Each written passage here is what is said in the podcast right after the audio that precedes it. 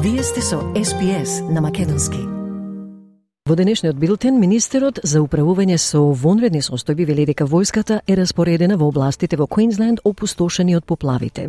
Организацијата на Обединетите нации вели дека израелскиот напад врз цел на Хамас во главниот град на Либан, Бейрут, е крајно загрижувачки. И процесот на уставните измени по 8 мај, кога ќе биде формиран новиот парламентарен состав, ќе треба да почне од почеток, сметат од најголемата македонска опозицијска партија ВМРО ДПМН. Слушајте не. Министерот за управување со вонредни состојби Мари Уот вели дека војската е распоредена да помогне во напорите за опоравување во областите опустошени од бура и поплави во југоисточен Квинсленд, откако државната влада сватила дека незините ресурси не се доволни. Војниците на австралиските одбранбени сили се распоредени низ целата држава, додека властите продолжуваат да работат на враќање на струјата во околу 11.000 домови. Стотици патишта во Квинсленд оштетени од поплавите исто така остануваат остануваат затворени, а продолжувањето на обилните врнежи значи зголемен потенцијал за лизгање на земјиште и паднати дрвја и други отпадоци. Иако Бирото за метеорологија вели дека најлошото од дивото време поминало, најверојатно ќе има обилен до интензивен дожд низ поголемиот дел од државата, додека условите остануваат опасни. Министерот Мари Уот за програмата Sunrise на каналот 7 изјави дека владата на Квинсленд предпоставувала на почетокот дека имала способност да одговори на ризиците од поплави, но ги смени тактиките откако го увиде степенот на тешките временски услови. Really the reason for activating ADF personnel now is that while Queensland had access both internally and through other states to a range of resources leading up to now, the compounding effect of this heavy rainfall and flooding on the damage that we'd already seen with the storms meant that, uh, frankly, Queensland did need a bit of a hand with extra resources, uh, and uh, they were brave enough to ask, and we, we were happy to deliver with that uh, support as well. Поголемиот дел од источниот брег на Австралија и понатаму е зафатен со врнежи додека дивото време се движи кон југ во делови од Нов Јужен Велс и Викторија. Југоисточен Квинсленд се соочи со последиците од еднонеделниот налет на бури и обилни врнежи со ризик од силни бури кои се очекува да продолжат и денес. Екипите работат на враќање на електричната енергија во речиси 50.000 викториски домови и деловни објекти откако дивите бури ја зафатеа државата. Силно предупредување за грмотевици беше издадено за Bendigo, Maryborough, Castlemaine, Kyneton, Ballarat, Bellarine Peninsula и Greater Melbourne. Бирото за метеорологија предупреди дека ризикот од грмотевици и поројни поплави ќе продолжи до 3 декември. Обединетите нации го нарекоа израелскиот напад врз либанскиот главен град Бейрут, во кој беше убиен заменик командантот на Хамас Салех Арури, исклучително загрижувачки. Арури, член на политичкото тело за одлучување на палестинското исламистичко движење, е ко-основоч на војното крило на Хамас, бригадите Акасам. Е, тој беше убиен кога беспилотно летало удри во канцеларија на Хамас во Јужен Бейрут. Либанската национална новинска агенција вели дека уште пет лица се убиени во Израел израелскиот напад, а два локални извори на безбедноста велат дека состанокот во канцеларијата била цел на нападот и дека меѓу жртвите има уште еден палестински милитантен командант.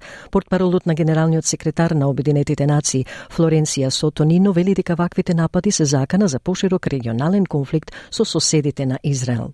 The developments are extremely worrying, and I think this just really highlights what the Secretary General had just said about the dangers of the spillover of this conflict in the wider region.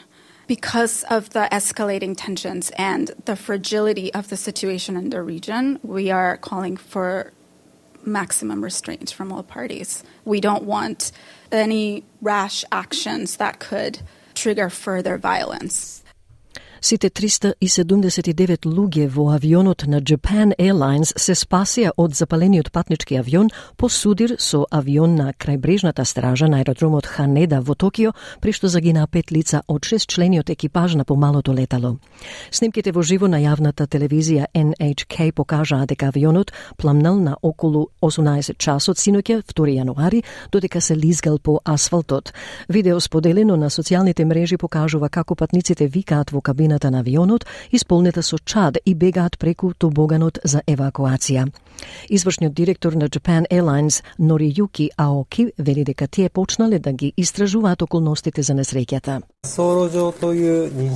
At the moment, we understand the accident happened on the runway. We are checking whether permission for landing was given by the airport control center, and we're looking into communications that were exchanged, because those could have had an impact on the accident.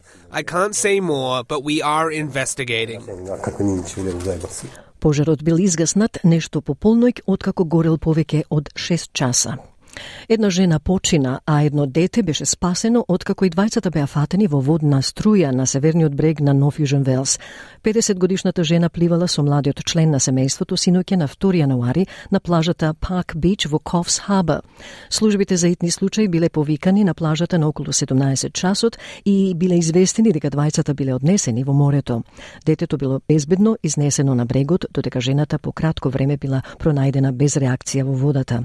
Смртта на жената е на 36-тото давење во Австралија од почетокот на летото по особено смртоносниот Божик и Нова година. Првата фаза од владините закони против начинот на пушење познат како вейпинг стапи на сила на 1 јануари, со што сега е забрането да се увезуваат вапови за еднократна употреба во Австралија. Промената е дел од низата законски регулативи што владата ги воведе минатата година за да почне на построг начин да се справува со однесувањето на тутунската и никотинската индустрија и да се намали националната стапка на пушење на под 10% до 2025 година. Од март исто така незаконски ќе биде увозот или снабдувањето со вапи кои не се во согласност со стандардите од медицинскиот регулатор. Министерот за здравство Мак Патла вели дека владата сака да ја искорени зависноста од никотин кај идните generații. Loopholes in existing laws have allowed millions and millions of these disposable vapes to flood into Australia. Vapes that are particularly and deliberately marketed at our children. They're often brightly coloured, uh, flavoured with flavours like bubblegum and cherry, uh, with stickers on them with pink unicorns, deliberately intended to entice young kids into using them, uh, all part of Big Tobacco's plan to recruit a new generation Другите закони ќе бидат насочени кон тутунските компании преку печатењето на предупредувања на поединечните цигари, како и ажурирање на графичките предупредувања на паковките. Судските системи Викторија CSV се извинија за каква била вознемиреност предизвикана од сајбер нападот врз аудиовизуелната технолошка мрежа што се користи во државните судови и трибунали. Прекршувањето се случи помеѓу 1 ноември и 21 декември и вклучува неовластен пристап до дадотеките зачувани на мрежата, вклучувајќи видео и аудио снимки и транскрипции. Во изјавата, шефисата Луиз Андерсон вели дека Court Services Victoria признава дека инцидентот ќе ги вознемири оние кои се вклучени во сослушување во тој период. Сепак таа забележува дека речиси сите судски и трибунални рочишта се одржуваат јавно и не се доверливи. CSV вели дека немало пристап до други системи или лични записи. Премиерот на Викторија, Бен Карол за ABC News, изјави дека владата работи на идентификување на изворот на нападот. I understand court operations have not been affected. I understand that this attack has been essentially confined, and uh, all court cases, uh, all hearings, uh, all evidence, all procedure is uh, being th is thoroughly protected, and uh, we're very confident that we'll get to the bottom of it. Во вести од Македонија, и во новата година македонската влада и натаму бара национален консензус и поддршка од опозицијата за внесување на бугарите во уставот. Со прифаќањето на приговарачката рамка, бугарските условувања стана европски барања. Пратеничката на СДСМ Снежана Калеска Ванчева за Алфа телевизија вели дека Македонија мора да го смени уставот за да тргне по европскиот пат по кој потоа државата ќе можела самата да се трансформира. Овдека станува збор за градење на еден национален консензус кој што мора да најдеме сили да го изградиме, ако на вистина сме искрени во она што го зборуваме, а тоа е дека а, европскиот пат е вистинската иднина на државата, бидејќи нашето општество, одејќи го тој европски пат, ние го трансформираме за нас самите. Опозицијата останува на ставот дека под вакви услови договорени од Ковачевски и Османи, уставните измени не може да поминат. Целиот процес на уставни измени по 8 мај, кога ќе биде формиран новиот парламентарен состав, ќе треба да почне од почеток, изјави пратеникот на ВМРО ОДПМН Антонио Милошовски. Ставот на ВМРО ДПМН како пратеничка група и сега и во новиот собранески состав останува непроменет. Ние не би прифаќале или иницирале било какви уставни измени под бугарски диктат, за кои што државата би направила отстапки, а би имала неизвестност во процесот на евроинтеграција или би добила следни две, три или пет нови блокади од Бугарија. Затоа сметам дека ќе треба за ова да се разговара на пошироко национално ниво и Македонија да изгради државна стратегија што е од интерес за нас. Луѓето кои живеат со диабетес тип 1 би можеле да видат лек во рок од 10 години, благодарение на работата на истражувачки центар во Мелбурн. Baker Heart and Diabetes Institute најде начин да ги пренасочи донираните клетки на панкреасот, за да произведуваат инсулин со што ќе се спротивстави на штетата предизвикана од состојбата. Амилија е една од 134.000 австралици кои живеат со диабетес тип 1 и зависи од дневните инјекции на инсулинот. Таа била диагностицирана пред 5 месеци на 35 годишна возраст и вели дека тоа влијаело на секој дел од незиниот секојдневен живот. It is incredibly exciting, not just the prospect that yes, in a couple of years we might have something that can regenerate the cells that make my pancreas produce insulin. That's super exciting. But it's also really exciting just to know that even though we're a smaller number of people with diabetes, there's still research happening. And there's the possibility that for all of us, uh, yeah, we might be able to say at least goodbye to some of this 24 7 job.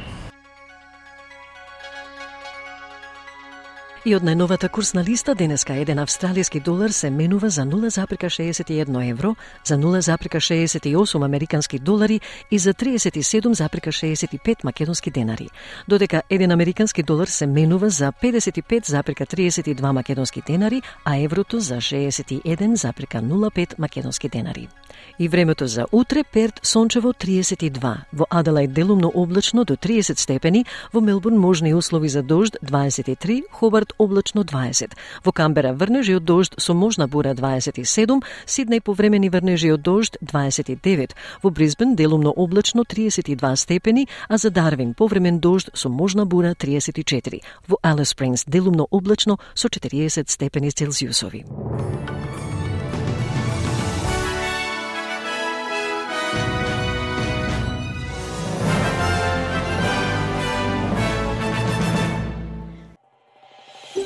Сакате ли да чуете повеќе прилози како овој?